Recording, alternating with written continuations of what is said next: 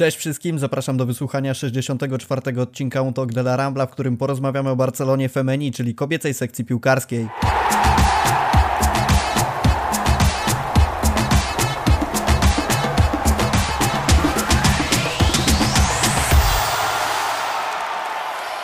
Po przerwie do podcastu wraca Julia Cicha. Siemanko Julia. Jakiej przerwy? Nie było żadnej przerwy. Gdzie byłaś, jak cię nie było? Byłam ciągle. Ja, ja jestem zawsze obecna wszech i no i wszech z okazji Twojego powrotu może chcesz zapowiedzieć, e, znaczy nie zapowiedzieć, tylko przedstawić naszym słuchaczom standardową formułkę youtuberów, czyli zaprosić do suba, łapki, łapki w górę i do Patronite'a. Ale właśnie to zrobiłeś, to po co ja mam to robić? Okej, okay, to przechodzimy w takim razie do głównego tematu naszej rozmowy. Dzisiaj porozmawiamy sobie o sekcji piłkarskiej Barcelony, która spisuje się nieco lepiej w rozgrywkach, jak również spisywała się lepiej w rozgrywkach w zeszłym sezonie, czyli o pięknych paniach, które rozgrywają swoje mecze w bordowo-granatowych strojach. E, zaczniemy sobie może od tego w ogóle, jak ty postrzegasz żeńską piłkę, bo to na pewno jest temat, który warto poruszyć. Niemniej wiemy, że jest on poniekąd kontrowersyjny, dlatego będziemy się starali e, może nie unikać kontrowersyjnych tematów, ale też chcemy zaznaczyć, że zdajemy sobie sprawę, że dotykamy gdzieś takich tematów mocno światopoglądowych i jakkolwiek możecie nas oczywiście za to oceniać, to będziemy starali się skupiać przede wszystkim na piłce. Pierwsze pytanie do ciebie, Julia. E, czy żeńska piłka jest nudna, czy raczej nie? Wiesz co, no ja w kwestii żeńskiej piłki zawsze byłam takim typowym Januszem. Jeśli kobieta może być Januszem, może Grażyną, nie wiem. W każdym razie, no nie oglądałam nigdy tych meczów. Nie będę e, tutaj robić za jakieś guru, które, które śledzi wszy, wszystkie mecze od powstania sekcji jakieś 50 lat temu, bo była chyba niedawno ro, rocznica. Oglądałam raczej e, kompilacje, goli, tego typu rzeczy. Myślę, że jak na kibica Barcelony to i tak całkiem sporo. No, e, wiadomo, e, zainteresowanie wzrosło po sukcesach pań, które no, są spektakularne w ostatnich latach.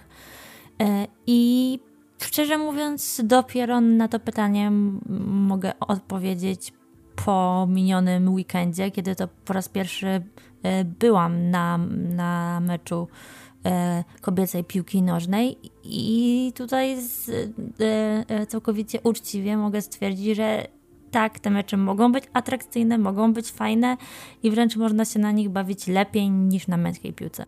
To w ogóle jakie wrażenie na tobie zrobił ten mecz? Bo e, ja na samych meczach sekcji męskiej byłem rzadko, na sekcji e, żeńskiej nie byłem ani razu, nie będę tutaj absolutnie ściemniać. I zastanawia mnie, bo ty byłaś na przestrzeni kilku dni na, zarówno na męskiej, jak i żeńskiej sekcji, jaka jest różnica w postrzeganiu meczu z trybun? To znaczy, domyślam się, że oczywiście y, swoje robi stadion, swoje robi liczba kibiców, ale no, jak to wygląda z perspektywy osoby, która była rzeczywiście na tych spotkaniach? Wiesz co, jest to tak naprawdę atmosfera mm, bardzo podobna, to, to znaczy jest, jest podobny piknik, tylko o wiele powiedzmy mm, lepiej się go postrzega przez, przez tą y, skalę, tak? Bo na y, stadii Johan Cruyff wchodzi 6 tysięcy kibiców. Na tym y, meczu, co ja byłam, było y, chyba 3700, coś tak koło tego. Także sporo, ale nie pełno. I przez to jakby ten taki doping e, mm, inscenizowany, czy jak to nazwać, no mm, tak jak, jak jest Grada d'Animation na Camp Nou, tak na Estadi też była taka grupa kibiców za, zagrzewających innych e, do, do, do pingowania, tak, z tymi e, okrzykami, przyśpiewkami, które są swoją drogą takie same jak na e, męskiej drużynie i takie jakieś tam bębny, flagi i tak dalej. No, w takiej małej skali to e, wygląda i, i brzmi dużo lepiej i ludzie naprawdę odpowiadają i widać, że już na meczu kobiet są naprawdę kibice, którzy się tym interesują, a nie E, turyści tutaj nie mm, ujmując im, no ale na przykład z Azji, którzy nie za bardzo e, e, wiedzą, czym jest spalone i chcą sobie porobić zdjęcia mm, na stadionie. No, oczywiście z Polski też jest pewnie pełno takich turystów, a tam to już na, naprawdę czuć taką atmosferę, czuć to, że ci kibice naprawdę znają te piłkarki, wywieszają transparenty, przy jakimś rożnym krzyczą do nich po imieniu, tam zwracają uwagę, wiadomo, po spotkaniu też bardzo fajne takie szczegóły typu, że można sobie normalnie podejść do pierwszego rzędu trybun, bo tam są sektory, no ale one są takie powiedzmy umowne. Można sobie podejść, nie wiem, przybić piątkę z taką zawodniczką, jak do ciebie podejdzie, jak masz e, szczęście, to jakiś e, autograf, zdjęcie, tego typu rzeczy, one są jak najbardziej otwarte na, na fanów i to wszystko jest o wiele bardziej dostępne, także z punktu widzenia dziennikarzy, bo ja tam byłam e, na akredytacji prasowej. No to, to jest w sumie ciekawe, co powiedziałaś o tym, o tej dostępności i o tym, że piłka żeńska zrzesza takich najbardziej zagorzałych kibiców, bo rzeczywiście z jednej strony dużo się mówi o, o przyciąganiu uwagi kibiców i, i tym, że na Camp Nou potrafiło tam wejść po 90 tysięcy osób, a z drugiej strony, tak jak mówisz, no struktura i przekrój tych kibiców to jest prawdopodobnie w większości jacyś tam kanapowi kibice. No, a zobacz też, że na tym męskim e, meczu, na, na którym byłam dzień wcześniej dosłownie, było 37 tysięcy, tak? Także powiedzmy 10 razy więcej niż, niż u kobiet, no ale to był naj, najniższy wynik na Camp Nou od 20 lat, także no jest różnica.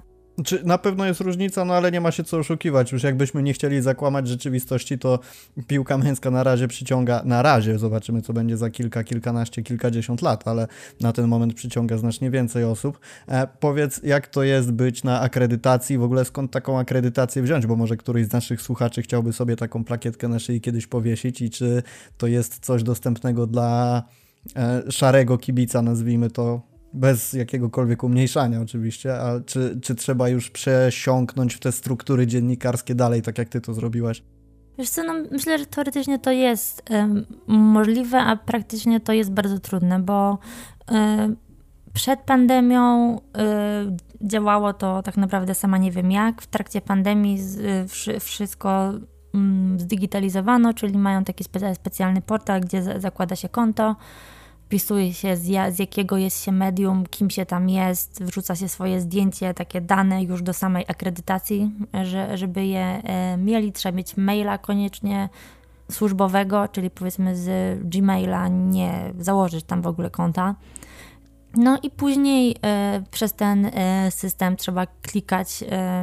Tak naprawdę nie wiadomo, kiedy się otwierają zapisy na, na dany mecz zazwyczaj no, na parę dni przed, ale no, trzeba tak naprawdę polować codziennie, bo to okienko też to jest tam parę godzin, czy dzień, dwa, w zależności od, o, od meczu. No, wysyłasz zgłoszenie, do, dostajesz maila i potem na dzień czy dwa prze, przed meczem dostajesz maila, czy akredytację dostałeś.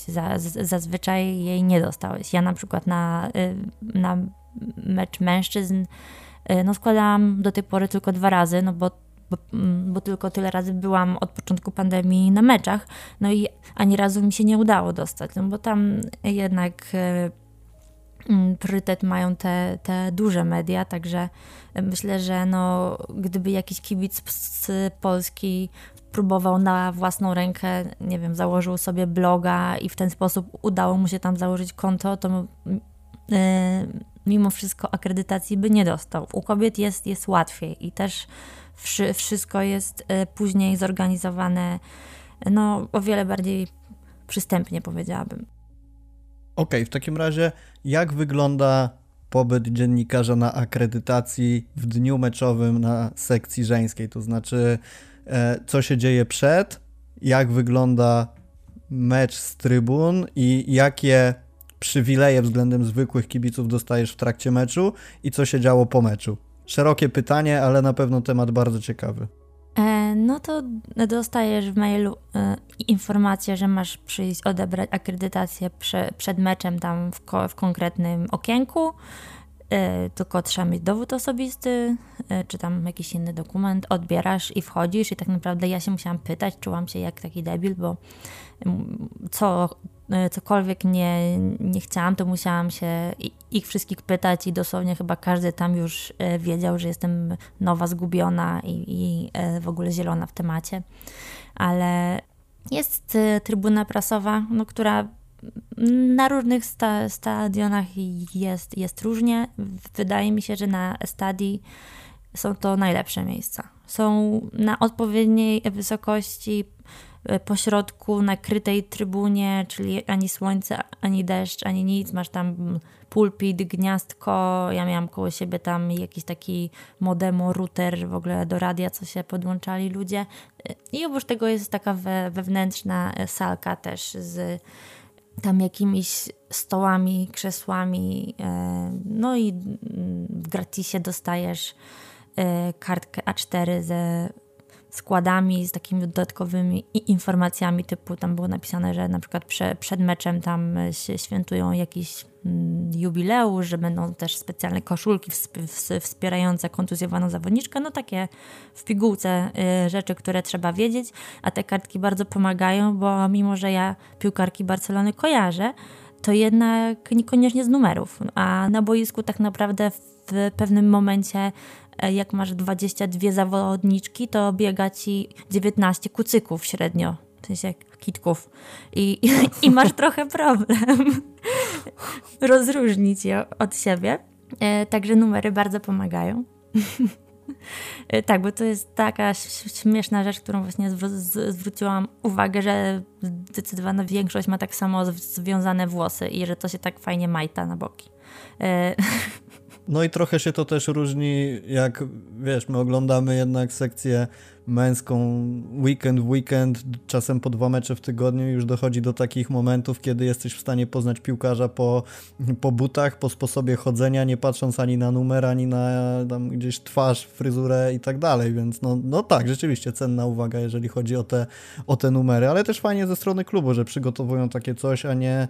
Znaczy, myślę, że to jest też taki ukłon trochę w stronę tego, żeby ten futbol żeński propagować i możliwie jak najbardziej ułatwiać poznawanie tych zawodniczek. Nie wiem, czy na sekcji męskiej są takie działania, natomiast na pewno w sekcji żeńskiej jest to taki fajny element. Wiesz co, w Barcelonie nie wiem, ale jak byłam kiedyś na akredytacji na Lechu Poznań, tu od razu wtrącę, że nie, nie, nie, nie kibicuję Lechowi, yy, ale też nie jestem mu jakoś przeciwna, yy, to też dawali takie kartki, więc być może to jest e, ogólny taki zwyczaj, powiedzmy, ułatwiający dziennikarzom. Tam masz też takie o, do, do zaznaczania kwadraciki, kto dostanie żółtą kartkę, kto dostanie czer ten czerwoną, także bardzo przydatne. Możesz to sobie potem wykorzystać na, na przykład do pisania kroniki pomysłowej tak na szybko bo tam w większości dziennikarzy, którzy byli to albo mieli właśnie jakieś laptopy, albo, albo nawet telefony i coś tam stukali w tych, w tych telefonach. Też e, jedna rzecz z siedzenia tam, którą muszę e, zauważyć, nie wolno się cieszyć z goli, to znaczy nikt tego nie robi. I e, dziennikarz nie może się zachowywać jak e, e kibic, bo patrzą się na niego, no cóż, mm, z pogardą. Dlatego trzeba się uśmiechać, jak, jak strzelają, a tutaj y, dodam, że y, wynik był dla Barcelony 8-1, więc gole były ciągle. I to jest norma w tym sezonie, tak? Tam one mają średnią w lidze powyżej 6 goli na, na mecz. No jeśli e, dobrze widzę, to mają w 8 meczach strzelone 51 goli i stracone 2, a w zeszłym sezonie na 34 mecze 33 wygrane, jedna przegrana i stosunek bramek 167 do 15, także no, tak. tych okazji, okazji do powstrzymania się od świętowania było na pewno sporo. Tak. I po meczu y, to też wiedziałam tylko z tego maila, że można było zejść do, do tej strefy mieszanej na wy, wywiady i na konferencję prasową. Do strefy mieszanej nie trafiłam, bo się zgubiłam, to znaczy e, nie wiedziałam, gdzie mam iść i nikt mi nie umiał tego powiedzieć. E, I jak już tam dotarłam, to już było po wszystkim, no bo to jest chwila, nie? Wiadomo, tak jak, jak e, w męskiej piłce 10 minut, nawet nie, i już, już nie ma. Na konferencję udało mi się trafić, tam byli wszyscy bardzo pomocni. Był pan, który gdzieś tam na zapleczu szukał mi maseczki, bo okazało się, że nie można było mieć zwykłą e, maseczkę, tylko musiała być ta taka FFP2 czy coś, taki, taka z certyfikatem medycznym. I tylko tak można było wejść na konferencję, ale też byli, byli bardzo mili wszyscy. Tam kazał mi usiąść, bo ja tak sobie stanęłam z boku, a, a on, że mam, mam, mam siąść, że to nic ten nie kosztuje, że nie każe mi za to płacić. Potem dziennikarzy było stosunkowo mało, także też nie było takiego prze, przepychania czy bicia się o, o, o te pytania. Na końcu zapytał ten taki, powiedzmy, to jest chyba szef prasy, być może e, rzecznik prasowy, ale od drużyny e, kobiecej. Ja teraz zapomniałam, jak on ma na imię. W każdym razie e, tam pytał się, czy ktoś jeszcze chce o coś spytać, no to wystarczyło tam podnieść rękę i podchodzili z mikrofonem do ciebie, a też co ciekawe na, na konferencji pomeczowej był trener i była też jedna zawodniczka i też można było pytać ją, można było jego, można było po jednym pytaniu do obojga, co u mężczyzn tak naprawdę się nie, nie zdarza, bo non-stop trują, że tylko jedno pytanie i, i byle szybko. I jakie pytanie zadałaś? Mm, myślę, że nie, nie było to jakieś odkrywcze pytanie, bo E, po prostu chciałam zapytać o, o cokolwiek i, i jakby, mm, nie wiem, e, przeżyć powiedzmy coś takiego, także e, tam nie, no wiesz, to ja, się, to, ja się wtrą, to ja się wtrącę może, bo to rzeczywiście często jest tak, że ja się sam zastanawiałem na przykład, co bym zrobił, gdybym spotkał taką osobę, taką osobę, taką osobę, tylko wiesz, możesz zadać bardzo proste pytanie, a uzyskać bardzo ciekawą odpowiedź, także jakby ja nie widzę nic złego w zadawaniu prostego pytania. No, trochę tak było, bo zapytałam właśnie y, trenera, y, co uważa, że po, po tak dobrym i pra, praktycznie kompletnym y, meczu, co uważa, że wciąż jest do poprawy i co mu się w tym meczu nie podobało. I, właśnie... I gdyby to był Ronald Kuman, to powiedziałby, że nic się nie da poprawić, wszystko jest tak, jak powinno być, no a niestety nie da się nic zrobić i w sumie przegrany mecz 0 do 3 to nie jest y, wystarczający powód do wprowadzania jakichkolwiek zmian. nie no, Lęgleta w 88. Tak, ka kadra w sumie jest spoko, jedziemy dalej. No, Kumana już nie ma, także co powiedział trener Femeni? On powiedział, że y, przede wszystkim było sporo niedokładnych podań y, momentami, y, szczególnie w tej, w tej trzeciej tercji już przy ataku i że tych e, goli mogłoby być więcej nawet, gdyby nie te niedokładności y, i e, często e, takie pomyłki w ataku powodowały utratę piłki i później rywalki, czyli Real Sociedad przechodziły do swoich akcji, do kontrataków, które y, może nie, nie były bardzo groźne, ale spowodowały, y, że jego zawodniczki musiały znacznie więcej biegać i przez to się zmęczyć, a tak to mogłyby sobie oszczędzić wysiłku i, i bardziej kontrolować ten, ten mecz, gdyby, gdyby były dokładniejsze i być może gdyby nie atakowały a, aż tak szybko. To jest właśnie nie, e, niesamowite, że w tym meczu pra, praktycznie non-stop one biegły na bramkę takie, niezależnie czy to było przy pierwszym golu, czy przy ósmym. Po prostu e, każda akcja była w e, zamyśle szybka, e, kombinacyjna, naprawdę fajne pomysły pokazywały dziewczyny. No z wykonaniem czasami właśnie bywało różnie, ale nie zauważyłam kompletnie takiego pozycyjnego rozgrywania piłki przez 5 minut, ja do ciebie, ty do mnie, ja do bramkarza. E, I paradoksalnie trener powiedział, że może właśnie tego trochę brakowało. Przypomina mi się tak, taki krótki filmik.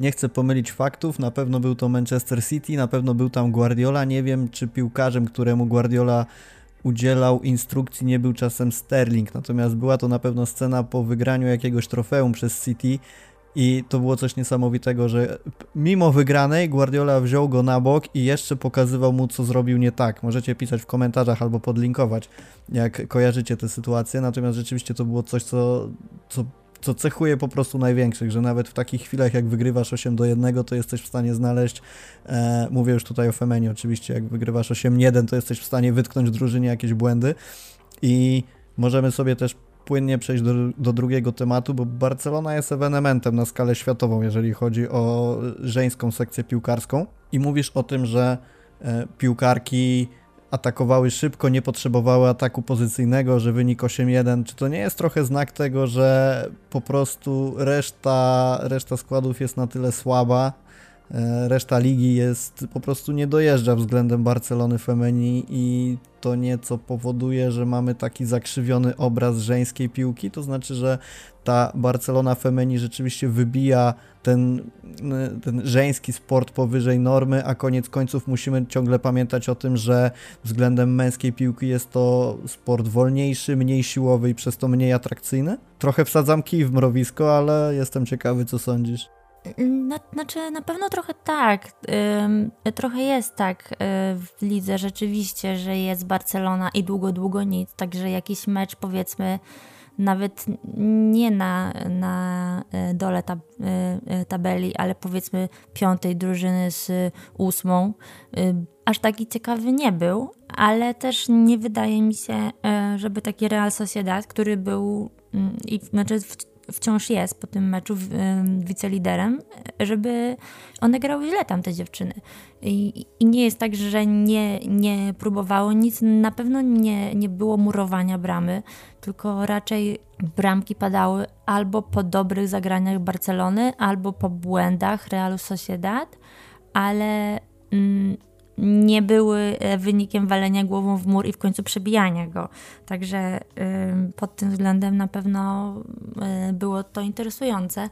E, z drugiej strony w Europie, w Lidze Mistrzyń jest już parę, parę drużyn, które są, są naprawdę bardzo dobre, typu tam, z tego co pamiętam, Olympic Lyon na przykład.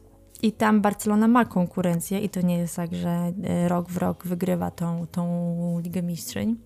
Do tej pory chyba się nie pomylę, zrobiła to, to raz. E, więc... Ale z kolei było 4-0 do przerwy z Chelsea. Pierwsza bramka padła dosyć, w dosyć kuriozalnych okolicznościach, bodajże w okolicach pierwszej czy drugiej minuty i to trochę nie podkopuje tej opinii, że Barcelona ma rywalki na swoim poziomie. Na pewno ma. No, nie jest ich dużo, bo tutaj też nie będę zakłamywać rzeczywistości. I na pewno Y, te takie prze, przeciętne kobiece mecze nie są super ciekawe, ale z drugiej strony ja chyba już na takim etapie y, jestem, że mecz Hetafe z y, jakimś Levante też mnie nie zachwyca i nie, nie będę tego oglądać tak bez żadnego powodu, powiedzmy. Znaczy mówisz o mężczyznach teraz, tak? Tak, tak, tak, o mężczyznach, no. no. więc wydaje mi się, że mimo wszystko Barcelona robi dobrą robotę w promowaniu kobiecego sportu i e, kobiecej piłki nożnej. I trzeba na to patrzeć z tej strony, że e, jeśli przy, przyciągnie więcej kibiców do, do tego sportu, to bardzo fajnie, ale też nie można tego sprzedawać tak, no bo to jest trochę tutaj zachowując proporcje, jakby starać się przy, przyciągnąć fanów piłki męskiej na podstawie Barsy Guardioli, tak? Więc no wiadomo, że zdarzało się jej przegrywać i, i e, być może nie zdobyła absolutnie wszystkich trofeów, no ale też jak oczekujesz czegoś takiego, a potem właśnie pójdziesz na, na stołk w deszczowy wieczór, no to trochę się, się mm, rozczarujesz, więc trzeba pamiętać, że piłka kobiety nie wiem czy nigdy, nie chcę tego powiedzieć, e, w najbliższej przyszłości nie będzie tak dobra technicznie i fizycznie. Taktycznie być może będzie. I finansowo to też na pewno nie będzie, ale to wcale nie oznacza, że nie e, może zyskać bardzo dużo na popularności, bo to jest trochę jak z siatkówką kobiecą, mam wrażenie, że ona jest popularna może minimalnie mniej od męskiej, a poziomem mimo wszystko jest daleko, daleko w tyle. Znaczy, co do samej siatkówki, to mnie się też wydaje, że to jest trochę, przynajmniej w Polsce, nie wiem jak to wygląda globalnie, ale zwróć uwagę, że na przykład w podstawówce, jak są jakieś tam zawody sportowe, zajęcia na WF-ie, to panowie młodzi grają przede wszystkim w piłkę, powiedzmy tam kosz, siatkówka, natomiast jeżeli chodzi o dziewczyny, to raczej tej piłki nie dotykają i być może dlatego to się potem przekłada w jakimś tam bardziej dorosłym życiu i postrzeganiu sportu, że jednak kobiety częściej lgną do siatkówki i, i do kosza na przykład, a w przypadku panów dochodzi do tego jeszcze piłka. No, no właśnie, ale, ale to jest jak najbardziej coś, co można zmienić y, na przy, przestrzeni tam nastu czy kilkudziesięciu lat. i nie, nie twierdzę, że wtedy kobiety będą grały tak dobrze jak faceci, ale że na pewno jest to coś, co można poprawić. Znaczy przede wszystkim nie przeskoczymy w pewnym momencie tego, że statystycznie y, faceci motorycznie są w pewnych aspektach lepsi od kobiet. Nie chcę tu w żaden sposób oczywiście umniejszać nikomu, ale no niestety, niestety tak to wygląda i to się potem przekłada na atrakcyjność tego sportu, bo nie ukrywajmy, że w pewien sposób zależy nam na tym, żeby widzieć y, rozrywkę, widzieć piłkę szybką, technicznie dobrą i tak dalej, i tak dalej.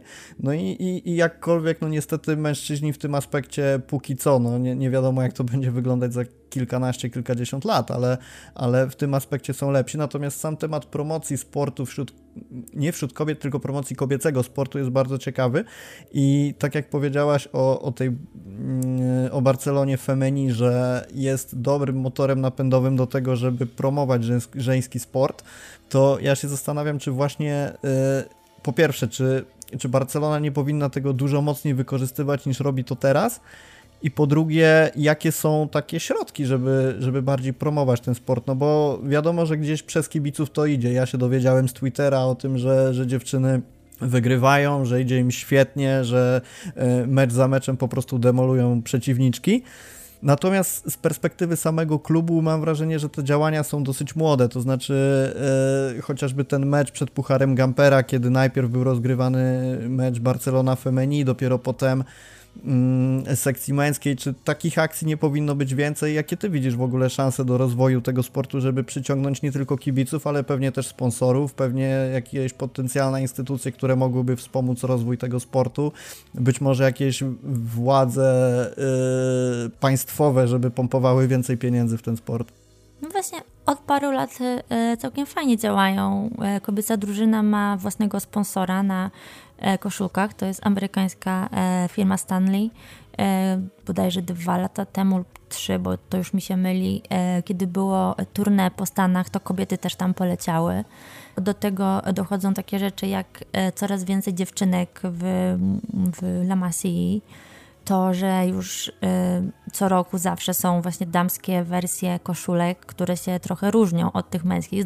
Znaczy są Y, męskie i damskie koszulki męskiego i damskiego zespołu, bo tam się właśnie różni sponsor i tak dalej, także y, to nie jest to samo. Y, więc jakiś tam dodatkowy zysk to mm, na pewno generuje. To, że na plakatach promujących właśnie te różne stroje albo różne akcje w Barcelonie pojawiają się praktycznie naprzemiennie kobiety i mężczyźni, że te filmiki promocyjne też mają kobiety. Myślę, że to, to idzie naprawdę w bardzo dobrą stronę. Pytanie, kiedy się zderzy z takim sufitem i, i stwierdzimy, że już no, dalej to nie pójdzie, bo trzeba by tutaj może trochę kontrowersyjnie, ale trzeba by im nakazać biegać w bieliźnie, żeby przychodziło więcej kibiców. No na pewno przyjdzie taki moment, kiedy już e, te działania promocyjne się e, e, wyczerpią, ale na razie to myślę, że w klubie idzie całkiem sprawnie, szczególnie, że nie tylko piłka kobieca, ale ogólnie sekcje, to znaczy tam koszykówka, piłka ręczna, hokej w, w Barcelonie przynoszą, przynoszą straty. E, e, w tych wszystkich podsumowaniach finansowych e, jakiekolwiek zyski to jest piłka męska. Piłka kobieca jest, wydaje mi się z tego co pamiętam, blisko wyjścia na zero, ale to nie jest tak, że, że klub ma z tego ogromne pieniądze, więc są to raczej takie e, działania właśnie społeczne, też w celu e, aktywizacji dziewczynek, żeby one też chciały uprawiać sport, bo to się już wiąże z tymi wszystkimi kampaniami, czyli e, walki z nadwagą, tak, równouprawnienie i tak dalej. Ale myślę, że od, od paru lat jest taki naprawdę fajny flow między tymi zespołami, też piłkarze też czasami wchodzą w jakieś e, interakcje, czy to na Twitterze, czy gdzieś z tymi zawodniczkami, co, co też e, na, na pewno sprawia, że, że one są bardziej widoczne. Ale chciałam też tutaj wspomnieć, bo teraz przy, przypomniało mi się coś, co wydawało mi się ciekawe i wbrew pozorom e, to może być istotne dla tego, dla, dlaczego kobieca piłka nie jest aż tak popularna, bo w momencie oglądania tego meczu, i to akurat był ten, ten jeden mecz, więc nie potrafię tutaj generalizować, czy to się przekłada na wszystkie inne. Naprawdę była walka, i zawodniczki starały się odbierać sobie piłkę, tak, walczyć o pozycję, atakować, ale nie było tam brutalności. Była może jedna chyba żółta kartka, maks dwie i bardzo często widziałam takie sytuacje, kiedy już w ostatnim ułamku sekundy piłkarka odkładała nogę. I to było w miejscu, w którym mężczyzna moim zdaniem na 90% szedłby dalej po prostu. I e, nie wiem, czy to jest taki jakiś wrodzony, czy to strach, czy to rozsądek, czy to po, po prostu mniejsza brutalność, która e, sprawia, że dla kibiców to mimo wszystko e, może być mniej atrakcyjne, bo no, taki typowy, standardowy kibic to jednak potrzebuje trochę tej mm, w cudzysłowie krwi na boisku. No to prawda i w pewien sposób nawiązuje to też do tego tematu tej dynamiki fizyczności, o której sobie rozmawialiśmy. E, jakkolwiek, e, no jeżeli zostanie, zostanie jakaś tam brutalność zastąpiona finezją, techniką i pięknymi zagraniami, które mniej lub bardziej można wyszkolić, to uważam, że, że jakby ta brutalność może zejść wtedy na drugi plan, bo są tacy fani piłki, kojarzy mi się od razu Neymar, no bo jest to zawodnik, który rzeczywiście tę technikę, technikę ma wyborną, e, którego po prostu przychodzimy oglądać dla takiego spektaklu. Jeżeli przełoży, przełoży się to na żeńską piłkę, to to uważam, że można zatrzeć te różnice. Natomiast ja bym chciał się Ciebie zapytać, znowu wkładając trochę kij w mrowisko, bo jednak tak, taki jest to podcast, który niejako musi do tego nawiązać. Wspomniałaś o, o równouprawnieniu i, i o promocji żeńskiej piłki. O, tym... o pensję nie chcesz spytać? No, czy mogę cię zapytać, ale myślę, że jest to dosyć prosty temat. Ale dobra, to, to za chwilę. Natomiast chciałem się ciebie zapytać, czy czy nie jest w pewnym momencie tak, że żyjemy w świecie, który gdzieś do tego równouprawnienia dąży na, na wielu płaszczyznach, nie tylko na poziomie mężczyzna-kobieta, ale też wiadomo na, na tematy związane z orientacją seksualną i tak dalej. I gdzieś się próbuje w jakiś sposób dążyć do tej równości w, na różne sposoby. Czy nie boisz się takiego przekroczenia granicy promocji żeńskiego sportu, gdzie będzie się go stawiało na równi z męskim, pomimo tej nieco gorszej atrakcyjności? Wiesz o czym mówię. Mam na myśli to, że, że w pewnym momencie ta żeńska piłka będzie, w cudzysłowie mówiąc, wpychana kibicom, żeby ją promować, natomiast ze względu na jej atrakcyjność, przyciąganie widza nie będzie dojeżdżać, przez co efekt będzie odwrotny do zamierzonego, czyli kibice będą mieli poniekąd dosyć tej Barcelony Femeni, przez to, że jest jest ona wszędzie, że pojawia się w social mediach, że zestawia się ją z piłką męską. Wiesz co, nie wiem, dopóki Barcelona będzie grała dobrze, to myślę, że to nie będzie problemem. Gorzej byłoby, gdyby wpychano kibicom do gardła Barca Femeni, która e, no, gra, gra słabo i tak naprawdę nie za bardzo jest tam co pokazywać. Także to myślę, że, że ma znaczenie. No, w Polsce zawsze znajdą się tacy malkontenci, co właśnie poruszą temat, że no, że zaraz one będą chciały tyle samo zarabiać i coś tam. E, także no. A powinny tyle samo zarabiać? No nie, wiadomo, że nie. E, no, że no, e, wiadomo, moim zdaniem nie, bo nie generują takich samych przychodów. I o ile w tenisie da się to jakoś zatrzeć, bo ta różnica atrakcyjności powiedzmy nie jest aż tak duża, tak? E, I jakby liczba kibiców męskiego i damskiego e, e, tenisa jest poniekąd porównywalna, więc można zaakceptować to, że kobiety zarabiają tyle samo, mimo że grają trzy sety max, a faceci pięć no to jest też y, długa debata, ale, ale moim zdaniem tam jak najbardziej mogą zarabiać porówno, no to y, w, w, piłce nożnej, w której y, mecze takiej Barsy Femini możesz sobie obejrzeć po wykupieniu Barsa y, TV Plus za jakieś nędzne grosze i no i nie jest możliwe, żeby one tyle zarabiały i no, i moim zdaniem nie powinny. Być może w przyszłości kiedyś tak, ale na, na pewno nie, nie teraz.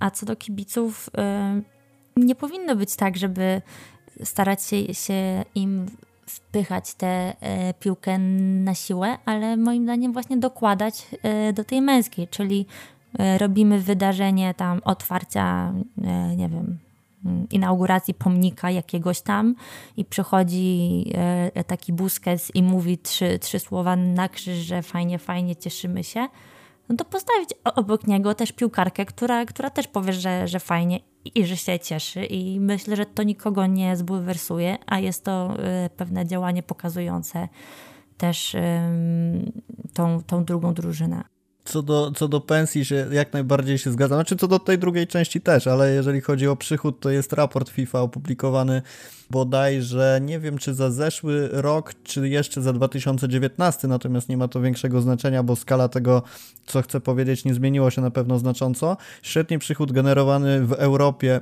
na świecie przez żeńskie sekcje piłki nożnej to jest 628 tysięcy euro, czyli porównując to do tego, do kwot, jakie generują męskie sekcje, to jest to kwestia naprawdę no, groszowa. taka tygodniówka y, Umtitiego. Sorry, błąd. 628 tysięcy to jest przychód generowany przez żeńskie sekcje w Hiszpanii. E, A, mała okay. poprawka. E, natomiast y, fajną informacją jest to, że 100% kobiet rozgrywających mecze grające profesjonalnie w piłkę zarabia na tym bez żadnej dodatkowej aktywności, to znaczy są w stanie się z tego utrzymać. Nie jest to tak zwany sport pół, za, półzawodowy czy półamatorski, nie muszą wykonywać żadnej dodatkowej pracy, co, co jest na pewno ciekawą informacją, bo też mam obraz sportowców, którzy uprawiają niszowe dyscypliny sportu, a jednak ten sam sport nie daje im e, takiej pensji, z której mogliby całkowicie się utrzymać. Także jeżeli chodzi o Hiszpanię, to na pewno jest spoko informacja z takich ciekawych rzeczy, które jeszcze udało mi się gdzieś odkopać a propos tego popularyzowania sportu sportu wśród kobiet, to na ten moment bądź na kilka lat wstecz, nie wiem dokładnie na kiedy są to dane, 29 milionów kobiet gra w piłkę profesjonalnie, natomiast w 2026 roku ma być to 60 milionów, także tu też taki bardzo, bardzo ciekawy, bardzo dobrze rokujący wzrost. No właśnie, i czy to nie jest y, przynajmniej obecnie, w obecnej y, sytuacji i na obecnym poziomie kobiecej piłki, czy to nie jest najważniejszy taki cel właśnie, żeby dziewczynki chciały też się ruszać, żeby zobaczyły, że, że piłka nożna to jest sport y, dla każdego, niezależnie od, od płci i żeby miały te swoje mm, idolki założyły sobie jakieś e, trampki, krótkie spodenki i wyszły z, z e, chłopakami na boisko. E, myślę, że gdyby taki miał być cel kobiecej piłki do momentu, aż rzeczywiście nie osiągnie ona wyższego poziomu, to ja bym się nie obraziła. Nikt by się nie obraził, myślę, ale też ciekawa jest kwestia tego, że ja tak kojarzę jeszcze kilka lat temu, jak kopało się piłkę i rzeczywiście na boisku było 20 chłopaków i przyszła jedna dziewczynka kopać, to y, gdzieś jak się ustawiało piłkę na połowie boiska, udawało się, że jest jakimś piłkarzem, strzelało wolnego, to brakowało mi, teraz widzę to z perspektywy czasu oczywiście, ale brakuje w żeńskiej piłce takich osobistości, które przemawiałyby do ludzi. To znaczy, e, pewnie jest oczywiście Alex Morgan, która chyba jest pierwszą tak mocno promowaną piłkarką. Jeszcze wcześniej była e, brazylijska piłkarka, tak zwana Marta, mhm. która zresztą wygrała tam FIFA World Player przez e, od 2006 do 2010 i chyba jeszcze w 2018 zgarnęła tę nagrodę.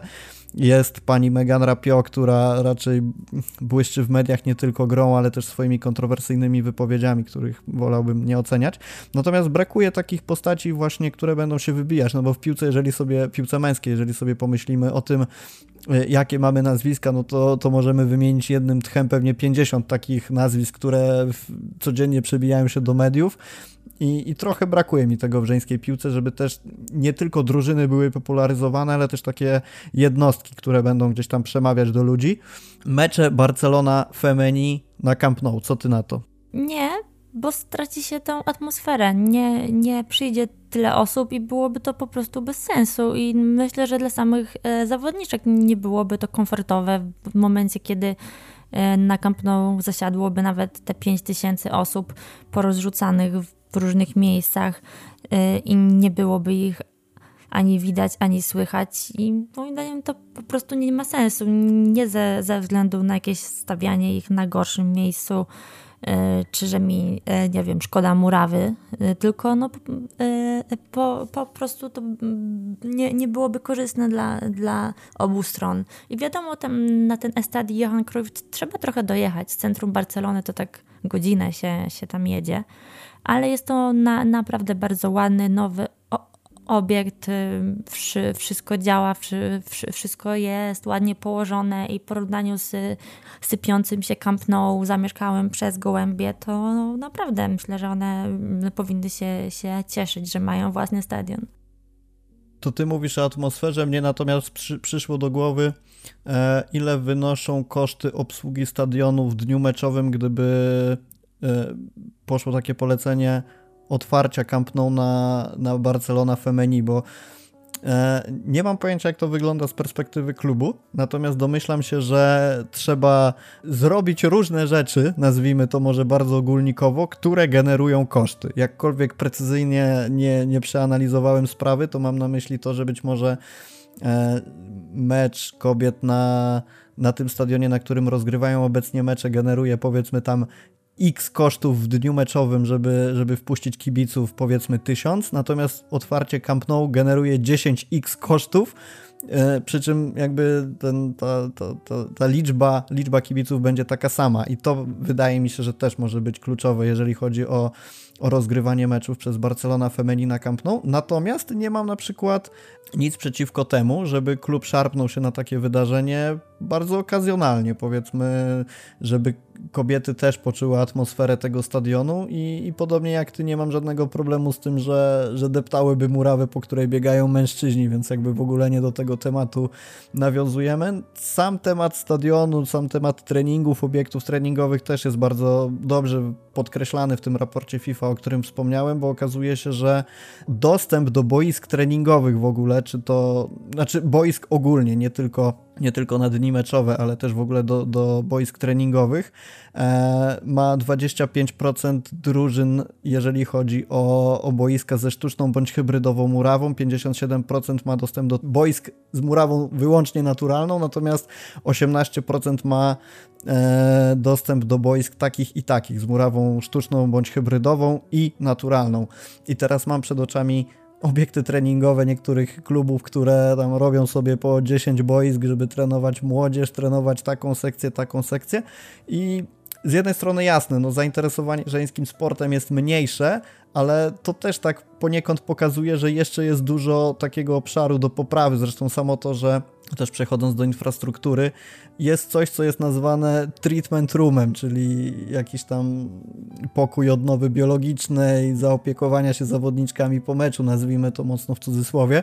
Też nie do końca wszystkie drużyny mają do tego dostęp, bo to jest tylko 80%, także jakby pasja kroczy przed rozwojem w tym, w tym momencie, mam wrażenie, i, i mam nadzieję, że, że jakby ten rozwój, który, który będzie prowadził też do profesjonalizacji tych, tych żeńskich sekcji, będzie jak najbardziej postępował. Patrzę sobie jeszcze w notatki, taka jeszcze jedna statystyka, która mi się rzuciła w oczy, że abstrahując już od stadionów i od infrastruktury, 36% długu sekcji żeńskich jest finansowane przez sekcję męską bezpośrednio, także jeżeli chodzi o takie oderwanie sekcji żeńskiej od, od męskiej, to wydaje mi się, że jeszcze nie ma na ten moment szansy na to. Nie, to nawet w Barcelonie, no, która e, e, jednak jest e, pionierem, tak, i e, ma jedne z najlepszych drużyn, infrastrukturę i, i sposób zarządzania kobiecą piłką, to nawet tam mm, nie za bardzo są te, te zyski, więc to jest raczej kwestia czasu. Czasu, który upłynie i warto coś robić w tę stronę. E, co do meczów na Camp Nou, 32% kobiet nie rozgrywa meczów na tym samym stadionie co mężczyźni, także nie jest to tylko kwestia e, Barcelony i Barcelony Femeni, ale jest to myślę dosyć dużym stopniu, bo 32% to, to nie jest taki mały odsetek. E, jest to gdzieś tam na skalę globalną. E, no a dopóki to nie jest e, tam, nie wiem, pole z krowami mm, u Setiena, tylko własny stadion Liczy, kobiet. Bardzo mocno, bardzo mocno liczyłem, że po słowie krowa dodasz Setien. Dziękuję. tak. No to dopóki to nie jest coś takiego, tylko naprawdę taki prawilny stadion, który się do czegoś nadaje, to myślę, że nawet fajnie, że grają na swoim, a nie na męskim. To też można tak postrzegać. Dobra, to w takim razie na koniec jeszcze, e, jeżeli jesteśmy przy e, kobietach w piłce, to chciałem Cię zapytać o inną rzecz, dosłownie kończąc temat, kończąc i, i, i podcast w sumie kończąc. Sędziowanie meczów przez kobiety i komentowanie meczów przez kobiety. Co ty na to? Sędziowanie tak, jak najbardziej tutaj nie widzę e, e, różnic, jeśli kobieta jest w stanie fizycznie przejść te wszy, wszy, wszystkie testy, tak? Bo tu rozumiem, mówimy o sędziowaniu kobiet w meczu mężczyzn. Tak, dokładnie. Tak. I jeszcze, jeszcze tu jedna rzecz, bo kojarzy mi się, że bodajże finał Europy był pierwszym, finał Ligi tak, Europy tak, był tak. pierwszym sędziowanym przez kobietę. Chyba. To, no i, i odnosząc się do tego, sądzisz, że to był dobry pomysł, czy nie? Tak, tutaj żadnego problemu nie ma. Moim zdaniem kobieta jest w stanie to, to zrobić tak samo dobrze, popełnić takie same błędy i podjąć takie same dobre decyzje.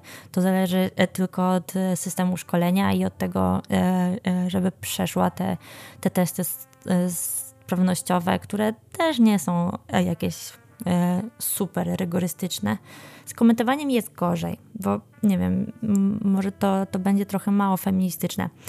Mnie absolutnie nie przeszkadzałoby, gdyby kobieta komentowała e, męską piłkę. Tak w teorii, że ja jak najbardziej bym, bym to wspierała. Ale z drugiej strony e, trudno mi e, pomyśleć o kobiecym głosie, który by mi się w takim kontekście podobał. To znaczy, jakby pro, problemem jest to to tutaj, że, że e, e, dla mnie te e, powiedzmy wra wrażenia słuchowe byłyby gorsze nie ze względu na to, co ta kobieta ma do powiedzenia, tylko na specyfikę damskiego głosu, który jest moim zdaniem no mimo wszystko gorszy dla, dla takiego wydarzenia, jakim jest, jest mecz piłki nożnej. To ja w takim razie zacznę od drugiej strony, to znaczy od kwestii komentowania, bo tu rzeczywiście masz rację. Nie, nie miałbym nic przeciwko rozważając tę sytuację ze względu na płeć i raczej rzeczywiście chodzi o barwę głosu, ale broniąc kobiety, pamiętam jak OSTR komentował mecze w Kanal Plus i on ma no, taki dosyć charakterystyczny, głęboki głos i, i też dużo opinii były ta, było takich, że już w pewnym momencie zaczyna to przeszkadzać i człowiek bardziej się skupia na tym, że ten głos wybija się, e, wybija się ponad mecz i a tak, ja, ja, ja też nie e, twierdzę, że każdy męski głos jest odpowiedni. Po prostu e, e, wydaje mi się, że statystycznie łatwiej jest znaleźć faceta, który będzie brzmiał dobrze komentując, ale to nie znaczy, że nie, nie znajdzie się też takiej kobiety. Tak, znaczy chodziło mi tylko o pokazanie tego, że nie idzie to w jedną stronę, że tak samo żeński głos może się nie podobać, jak również męski. Znaczy ja, ja do Ostrego nic nie mam, bo uwielbiam gościa i, i dla mnie mógłby komentować te mecze, abstrahując, abstrahując od e, jakości tego, co robił Ostry. Jak mnie słuchasz, to podpisz mi jakieś tam płytki. E, a jeżeli chodzi o, o sędziowanie, też nie mam z tym problemu, natomiast to, co mnie uderzyło przy okazji tego finału Ligi Europy, to było to, że wrzucili to, jakby to jest trochę nawiązanie do tego promowania kobiecej piłki i kobiet w sporcie na siłę. To znaczy, nie znam dokładnie kariery tej pani, która komentowała, y, która sędziowała ten mecz. Natomiast miałem takie wrażenie, że tu już za bardzo próbujemy promować kobiety w piłce, a za mało promujemy doświadczenie, bo jakby nie ukrywajmy, to, to był bardzo prestiżowy mecz. Y, mogliśmy się spodziewać gorącej atmosfery, wielu rzeczy i tak dalej, i tak dalej. Zastanawiam się, czy jakby wrzucenie kobiety na finał nie jest w tym momencie właśnie przekroczeniem pewnej granicy i czy nie lepiej byłoby wystartować z takim promowaniem powiedzmy od meczów ligowych o różnej randze i stopniowo przechodzić do meczów tam jednej ósmej, jednej czwartej i powiedzmy, jeżeli rzeczywiście ta pani, której nazwiska niestety nie pamiętam, bardzo mi przykro, e, która e, w pewien sposób wykazałaby się tym, że rzeczywiście te mecze potrafi bardzo dobrze sędziować, absolutnie nie mam problemu z tym, żeby sędziowała finał. Tutaj zabrakło mi trochę tego, żeby tych meczów o wyższej randze powiedzmy mniejszej niż finał, większej niż mecze towarzyskie, mecze Ligi Kobiecej sobie tam e, posędziowała, wtedy wszystko ok. Nie masz takiego wrażenia? Trochę tak, bo to jest, my zakładając, że stawiamy ją e, e, na równi z z mężczyznami, co jak najbardziej trzeba robić, no to typowy mężczyzna musi przejść od sędziowania tam podwórkowego przez jakieś ligi po powiedzmy fazę grupową Ligi Mistrzów i zanim tam się do, do człapie do sędziowania finału, to mija e, wiele lat i wiele z, zbiera doświadczenia.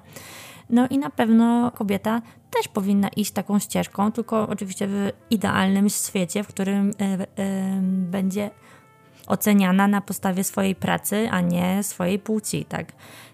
Oczywiście.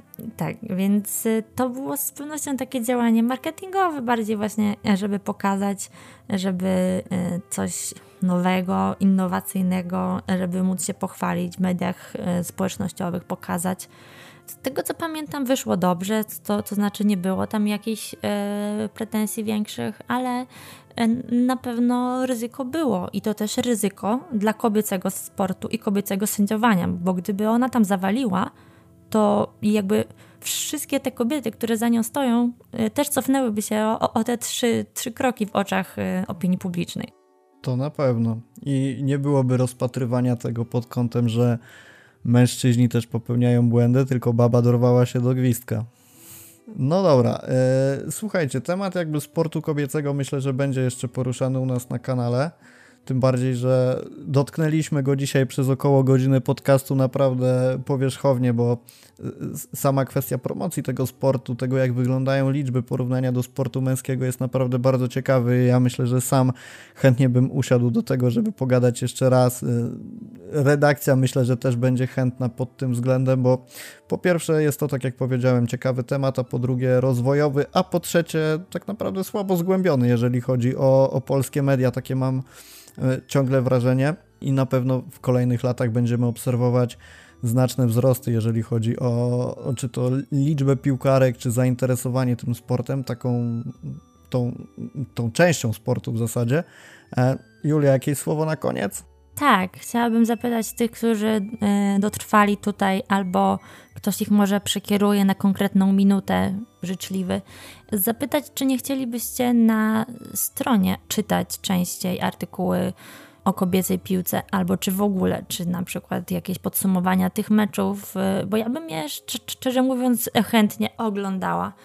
Y, albo jakieś właśnie takie co jakiś czas podsumowania, jakim tam tam idzie, czy, czy taki content by interesował ludzi. Odpowiadajcie na to pytanie w komentarzach. Pamiętajcie o tym, żeby zaglądać na fcbarsa.com. Na górnej belce znajdziecie odnośnik do Patronite'a, gdzie możecie nas wesprzeć cegiełką finansową w ramach za nasze małe podziękowanie. W tym możecie zrezygnować z tych intruzywnych, bardzo niegrzecznych, niemiłych, wtrącających się w artykuły reklam na stronie, których tak nienawidzicie. Możecie się Ale ich pozbyć bardzo łatwo. Nie.